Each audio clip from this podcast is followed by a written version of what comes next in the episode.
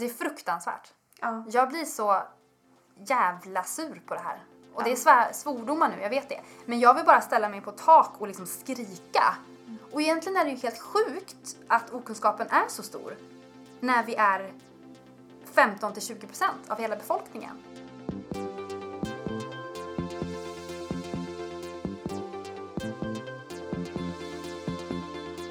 Du lyssnar på HSP-podden med Leveby och Klar. Hej och välkomna till HSP-podden med Leverby och Klar. En podd som handlar om högkänslighet. Det är jag som är Matilda Klar. Och det är jag som är Ida Reveby. Idag ska vi prata om okunskapen om högkänslighet som finns där ute. Hur vi bemöts när vi berättar om vår högkänslighet och vilka dumma kommentarer vi kan få och hur vi kan bemöta dem. Men först, hur mår du egentligen Ida? Ja, men jag är förkyld.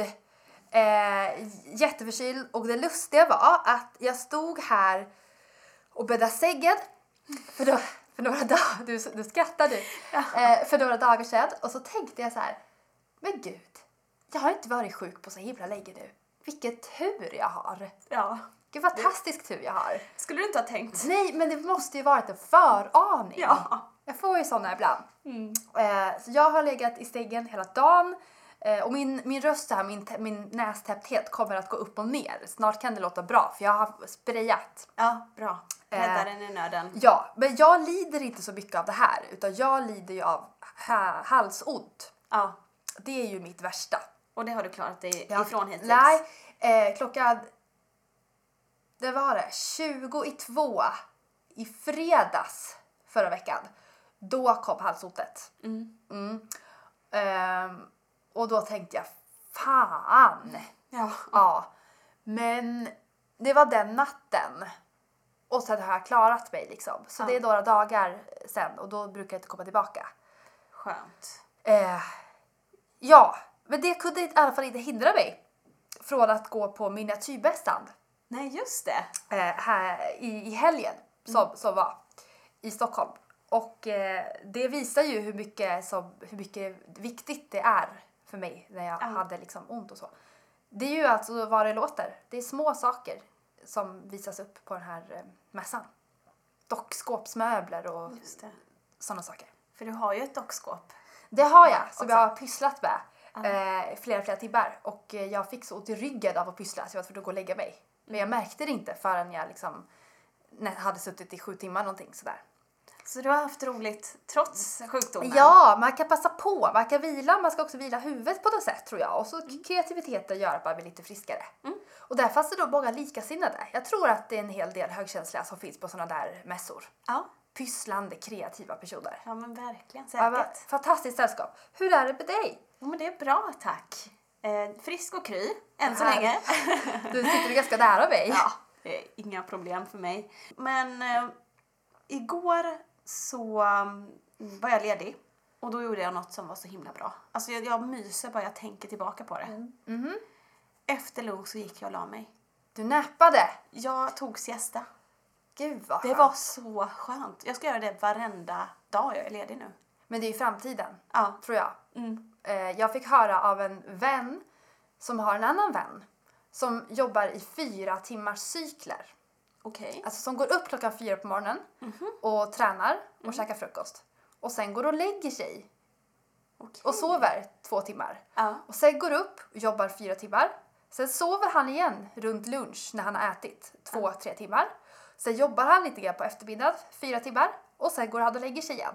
Och sen går han och lägger sig för kvällen för gott, typ så nio och sover då till fyra. ja. Så han sover fyra gånger per dag. Wow, vad inspirerande. Jag blir lite sugen på att testa. Ja men eller hur, jag skulle göra det. Ja. Alltså sova nio timmar. Ja. Plus att näpa två Ja. gånger. Drömmen. Gud vad skönt. Mm. Du, I förra avsnittet så pratade vi om vad det innebär att vara en empa- empat. Alltså att ta in andras eh, känslor och mående rent fysiskt. Vi var ganska tydliga då med att det inte finns någon forskning inom just det området. Men vi har ändå fått en kommentar det. var en trogen lyssnare som påpekade att Elaine Aron, som ju myntade begreppet högkänslighet, uppmanar högkänsliga att inte förknippa högkänsligheten med att vara empat. Eller förväxla det eller förknippa det med något annat personlighetsdrag som kan låta konstigt för andra, menar hon. Ehm, För att? För att det kan urholka trovärdigheten i begreppet högkänslighet. Det kan jag verkligen förstå. Alltså forskning är ju ändå forskning. Och eh, det gillar ju inte vi när eh, Alltså vi som ändå försöker göra högkänsligheten till någonting eh, etablerat och väl eh, väl etablerat helt enkelt. Ehm, så jag- jag förstår vad hon, vad hon menar. Ja. Hur tänker du? Eh, jo men jag kan, alltså självklart ska man inte blanda ihop begreppen. Men jag tänker att är man empat eller ser sig själv som empat och identifierar sig med det så tycker jag att man ska få göra det. Eh, Men det kan ju absolut vara en poäng med att vara tydlig med att det här inte är forskning eller och högkänslighet är forskning, att man påpekar det i så fall kanske. Ja, det kanske snarare är så att det behövs mer forskning kring, kring just det begreppet i så fall. Ja, Och eh, ja, men som du säger, att man kanske är eh, tydlig. ja. Man måste ju få prata om det tänker jag. Och på tal om att blanda ihop olika begrepp, Mm. för det är lite grann som eh, det vi sa vi skulle prata om, okunskapen kring högkänslighet. Ja. Eh, vet du vad jag var med om häromdagen? Nej, berätta. Det var en eh, bekant till mig som eh, jag kom fram och frågade, alltså vi bara började prata lite sådär om, du vet såhär ett kort möte. Hur är det med dig? Och jo men det är bra och där, lite kallprat och så. Ehm, och den här personen hade varit eh, lite krasslig och sådär och pratat om det och sen så vet jag inte hur vi kom in på det men jag sa att, så här, att jo men det är bra med mig men det är ganska mycket nu så här, vi har ju podd och så. Jaha vad handlar den om? Vet, det här vanliga. Eh, och så sa jag då vad den handlar om, eh, högkänslighet och då sa den här personen Ja just det, det är det som är typ hyperaktivitet va? Det som är lite ADHD. Och jag blev så här. ah, jag bara känner irritationen komma. För jag gillar den här personen. Men eh, vad fan. Ja. Liksom. Så jag bara. ehm, nej, det har ju faktiskt ingenting med hyperaktivitet att göra. Utan det är ju ett känsligare nervsystem. Och eh, det hittas hos så här många. Eh, och visst, det kan ju förknippas ibland med ADHD. Och man kan ha en ADHD-diagnos och vara högkänslig. Så när jag har sagt det här så säger den här personen ändå så här. Ja, nej men jag ser det ändå som liksom att jag, den här hyperaktiva ADHD-delen i mig. Det är, ju, det är ju liksom det och högkänslighet. Alltså det är så här, för mig är det liksom den här delen av mig, det är typ samma, det är liksom min Alltså det är den hö- så tänker jag på min högkänsliga del. Och min hyperaktiva del och min ADHD-del. Och frågar jag, men är du högkänslig? Nej. Den här personen vet inte vad hen pratar om. Nej! Och där sitter jag och ändå har sagt vad det är. Och då säger personen liksom, ja men för mig. Och jag vet att jag låter irriterad nu, men antingen är man högkänslig eller så är man inte högkänslig. Eller så är man ödmjuk inför det faktum att man kan vara högkänslig. Jag får ta reda på mer. Intressant. Men just det här, jag säger att nej det har ingenting med hyperaktivitet att göra. Och det var som att det bara slogs förbi för att den här personen upplever nog att, att hen har en sån sida. Och då var det liksom skitsamma vad jag sa. För det passade ihop. För den här personen. Mm. Spelar det ingen roll vad forskning säger Nej. eller vad du sa som expert Ingenting. på det liksom. Nej. Lite grann. Har du något, något sånt här exempel? Ja, men lite just, jag tror att det är ganska vanligt när, när man berättar om ett personlighetsdrag eller en diagnos för den delen som vi också var inne på här. Att eh, folk man pratar med speglar sig själva bara, vill bara se, vill se sin, liksom, jaha, hur passar det här in på mig nu då? Så det var, jag och en kompis pratade om det här för, för bara någon vecka sedan att Eh, Eh, så fort man berättar att man är högkänslig så, eh, och berättar lite vad det innebär så kan den andra personen säga att ja men jag kan ju också vara, eh, behöva, behöva återhämta mig ibland. Det är väl inga konstigheter med det. Och börja kritisera högkänsligheten att när man berättar om det så ska folk hela tiden se till sig själva och tänka in sig själva i, jaha men jag kanske också är. Man vill inte, man vill inte höra den andra personen berätta om sig själv utan man vill bara prata om sig själv istället. Men precis det är mitt andra exempel om det här. Mm. Eh, det var också ett, en fråga jag fick om podden. Eh, som jag egentligen inte ville svara på nämnvärt. För att den här personen är ingen som tidigare har visat intresse för det. Eh, och eh, då fick jag frågan så här, men vad handlar den om? Och då sa jag, ja det är högkänslighet. Vadå? Vad var det? Och då tänkte jag, okej men den här personen vet inte alls någonting om vad det är för någonting. Så ska, jag eller ska jag inte? Men jag tänker att den har ju frågat. Så då säger jag bara. Och då avbryter den mig med så lite irritation i rösten. Bara, Hur ser forskningen ut när det gäller histaminet? Som ju då är ett eh, hormon som, påverkar, alltså som har med allergi att göra. Mm. Och jag blev alldeles ställd. Ehm, ja, jag vet inte, sa jag. Och då säger personen, ja, nej men då, då måste ju min nära anhörig vara högkänslig. För det är så mycket problem med allergier. Och börja berätta då att så här, den här personen, liksom den här anhöriga, så här, har inte kunnat äta på jättelänge och kan bara äta färsk mat. Och det är så mycket problem när de är ute och reser för att eh, det är så synd om den här personen som har så starka allergier. Och jag känner hur jag bara börjar koka inombords. Mm. Ja men för i helvete, du frågade ju. Och så ska jag sitta och lyssna på allergier. Ja men vad är det för trams? Ja. Så kände jag. Mm. Men kom inte för att säga någonting. Nej. För jag blev Det- så ställd. Det är svårt när någon också bara babblar på om sitt då. Och liksom hijackade hela... Och när jag säger då att så här, ja, många är ju känsliga. Man kan ju vara känslig för mat och man kan ju känna, alltså känslig för starka kryddor naturligtvis. Men att allergi i sig gör att man är högkänslig? Nej. Nej. Och vi har flera exempel. Ja, vi ställde ju frågan på Facebook om vilka kommentarer som ni som lyssnar har fått ta emot. Och en är, lyder så här. Min terapeut sa, aha, men det är väl typ ADHD? Och vägrade lyssna och lära sig när jag försökte förklara vad det är. Och så skriver någon annan att ehm, ja, jag har sagt något på jobbet men där är de typ jaha, vad är det? En sjukdom? Och en till kommentar är, skolan vet inte alls vad det är, utan behandlar det som ADHD. Socialen säger att jag är filosofisk i min tanke och bara skrattar bort det. Och någon annan skriver att jag har träffat en kvinnlig läkare som sa när jag berättade att jag har insett att jag är högkänslig att det är väl vi alla lite till mans. När hon sa det så förstod jag att hon inte hade någon kunskap om det och fortsatte inte diskussionen. Det fanns inte tid att prata mer om det. En kurator jag träffat en gång sa det brukar gå i trender då och då, det där med högkänslighet. Alltså det är fruktansvärt. Ja. Jag blir så jävla sur på det här. Och det är svär, svordomar nu, jag vet det. Men jag vill bara ställa mig på tak och liksom skrika. Och egentligen är det ju helt sjukt att okunskapen är så stor. När vi är 15-20% av hela befolkningen. Ja. Tina Jönsson, hon är ju tidigare utbildningsansvarig inom Sveriges förening för högkänsliga. Hon var gäst i avsnitt nummer två av podden. Och hon har faktiskt skrivit om det här på Facebook. Ja, Lite har grann. du det där? Eh, och hon hyllar den högkänsliga människan. Skriver så här. Vi är 10 miljoner invånare i vårt avlånga land. Enligt forskning och undersökningar så säger man att det finns 15-20% av befolkningen som är högkänsliga. Det innebär att bara i detta land finns det cirka 2 miljoner högkänsliga personer.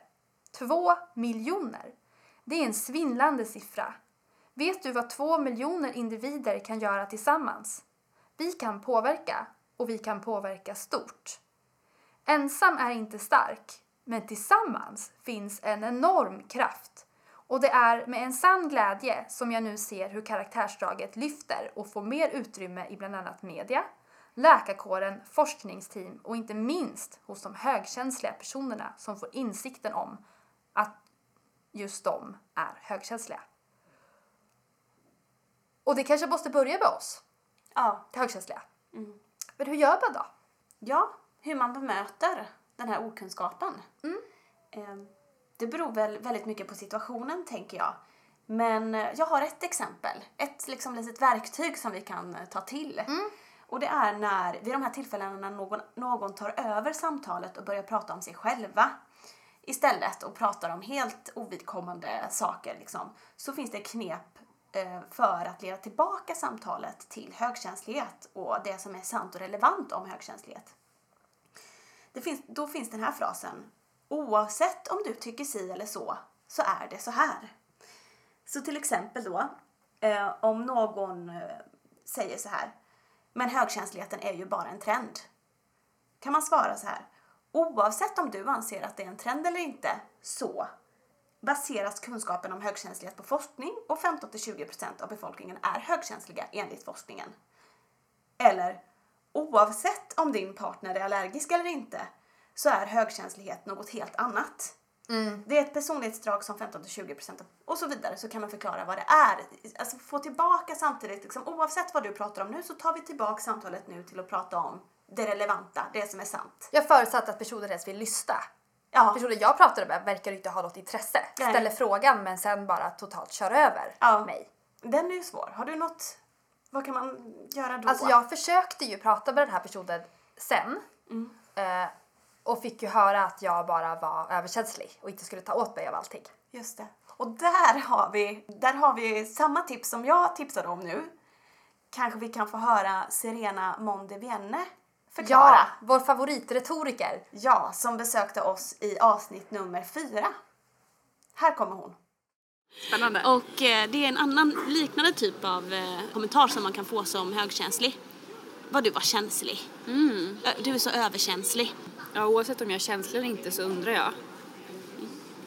Och så fortsätter så repeterar det man sa. Så det är inte relevant att värdera eller stä- Nej. stämpla. Då blir det inte att man börjar boxas med någon. För det kan lätt bli så. Speciellt när man ska ha snabba retoriska lösningar att man ska börja boxas. Men om man, vill, om man inte vill göra det och istället vill ha en, behålla en god stämning eller, eller eh, satsa på en relation. Jag vill inte hålla på och jabbas med dig utan jag vill bry mig om kunden.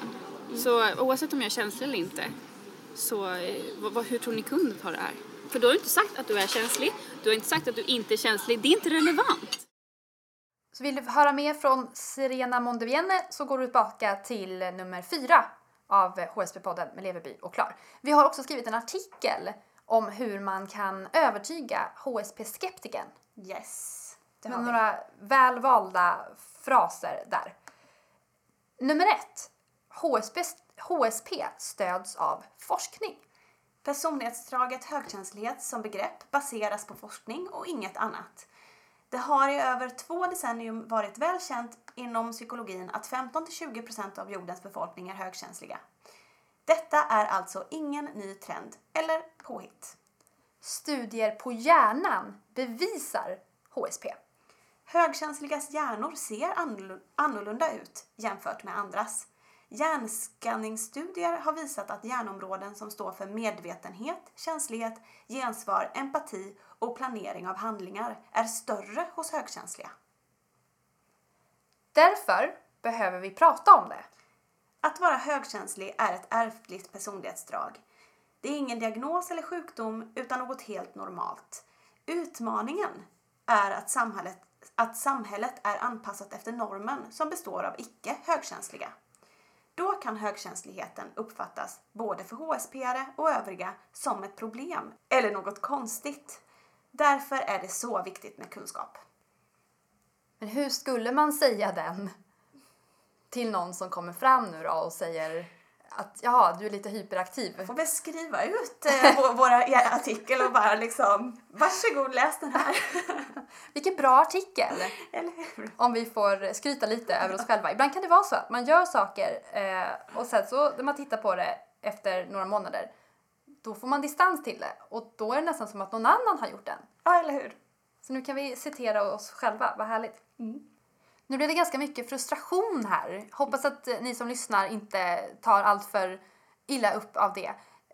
Vi vill ju veta vad ni har att ge, alltså svar på tal på såna här kommentarer. Säger ni någonting? Har ni någonting som ni kan dela med er av? Hör av er till oss då gärna på uh, mail. Eh, leverby och klar at gmail.com eller på Facebook, där heter vi HSP-podden med Leverby och Klar. Eh, du, vi läste ju lite grann om vad eh, Tina Jönsson, vår tidigare gäst, skrev på Facebook innan. Det inlägget handlade en hel del om eh, HSB Campus som stundar i veckan. Hon är med och anordnar det.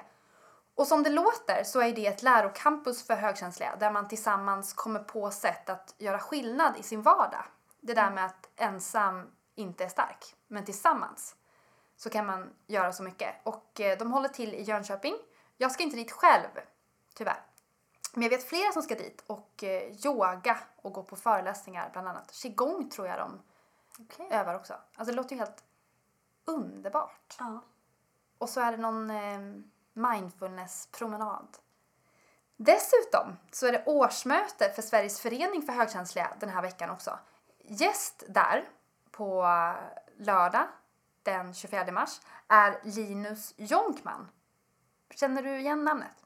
Ja, men det är han som pratar en del om eh, introverta. För några år sedan så skrev han boken Introvert som handlar om hans egna erfarenheter av att vara just inåtvänd. Och den föreläsningen hoppas jag kunna gå på. Stockholm 24 mars. Och också någon som eh, jag har sett talar sig varm om hur det är att vara högkänslig är den norska prinsessan Märta Louise. Just det. Hon behöver liksom inte ha något efternamn. Nej. Hon eh, fick jag hem i brevlådan, höll jag på att säga, i tidningen Nära. Ja, ja, ja. Det är ju en eh, tidning om, om andlighet som nu också har skrivit en hel del om högkänslighet i senaste numren. Och jag blir så glad när kända högkänsliga personer vågar prata om sitt personlighetsdrag Mm. och vara positiva förebilder för oss andra. Nu kommer tillbaka, det här steppad. Ja, jag hör det. Hur ska det gå? Eh, hur ska det gå? Hon berättar där eh, hur det var för henne innan hon accepterade att hon är högkänslig. Hon, förs- hon har näst, nästan alltid vetat om det, men hon har gjort allt hon har kunnat för att vara normal. Och så här, så, så här förklarar hon det. Jag försökte ta mig samman, klara av att hålla ut med många människor runt omkring mig hela tiden. Brydde mig inte om om jag var trött och övade på att inte ta så illa vid mig av allt. Och säger då, det här tycker jag var så gripande. Tidigare kände jag mig hudlös och naken utan att kunna försvara mig. Ofta kände jag mig som ett strövande villebråd i ett öppet landskap. Jag tycker den bilden är så tydlig. Att när man är så sårbar så är det som att vem som helst kan komma åt den. Mm. Det här att vara nästan en pjäs på ett schackbräde som världen eller någon annan bara kan skaka om. Och så har man ingen, kan man inte göra någonting åt det. Nej. Men ja, Hur har hon det nu då? Jo, förstår du. För nu har hon accepterat högkänsligheten fullt ut. Och då säger hon så här. Den eviga strömmen av känslor och stämningar från andra människor minskade när jag lyssnade till mig själv och lärde känna mina egna känslor. Då klarade jag, klarade jag av att skapa mitt eget rum och kunde hitta min egen privata klang. Så bläddrar jag. säger hon så här. Att få se andra öppna sig för sin stora potential gör att jag känner en djup tacksamhet och mening med livet. Jag är så tacksam för att jag är högkänslig. Det är min största begåvning. Fint. Och där tycker jag att vi, vi avrundar dagens avsnitt och låter Bertil eh, tala för oss. Bertil Monegrim ger oss eh, lite råd. Många försöker skratta sig friska, men det är bara munnen som blir större. Andra försöker tänka positivt, men då blir hjärnan ansträngd. Det spelar ingen roll vad man gör om inte hjärtat är med. Alla knep att må bättre känns som att gå vilse i en hälsokostaffär. Ansiktet är själens spegel och glädjen kommer inifrån. Så satsa på livskvalitet och lev sunt. Satsa också på att hjälpa dina medmänniskor som kanske behöver hjälp på många områden. Då får du en inre trygghet som även kommer hjälpa dig att bli en glad och harmonisk människa. Det börjar inifrån. Vi finns på Facebook, HSB-podden med Leverby och Klar heter vi där. Håll koll på flödet och gilla oss gärna. Glöm inte heller att eh, prenumerera på oss i iTunes eller Acast eller din eh, favoritpodcast-app. Nu säger vi tack och hej för det här avsnittet. Hoppas att vi hörs igen nästa vecka. Hej då!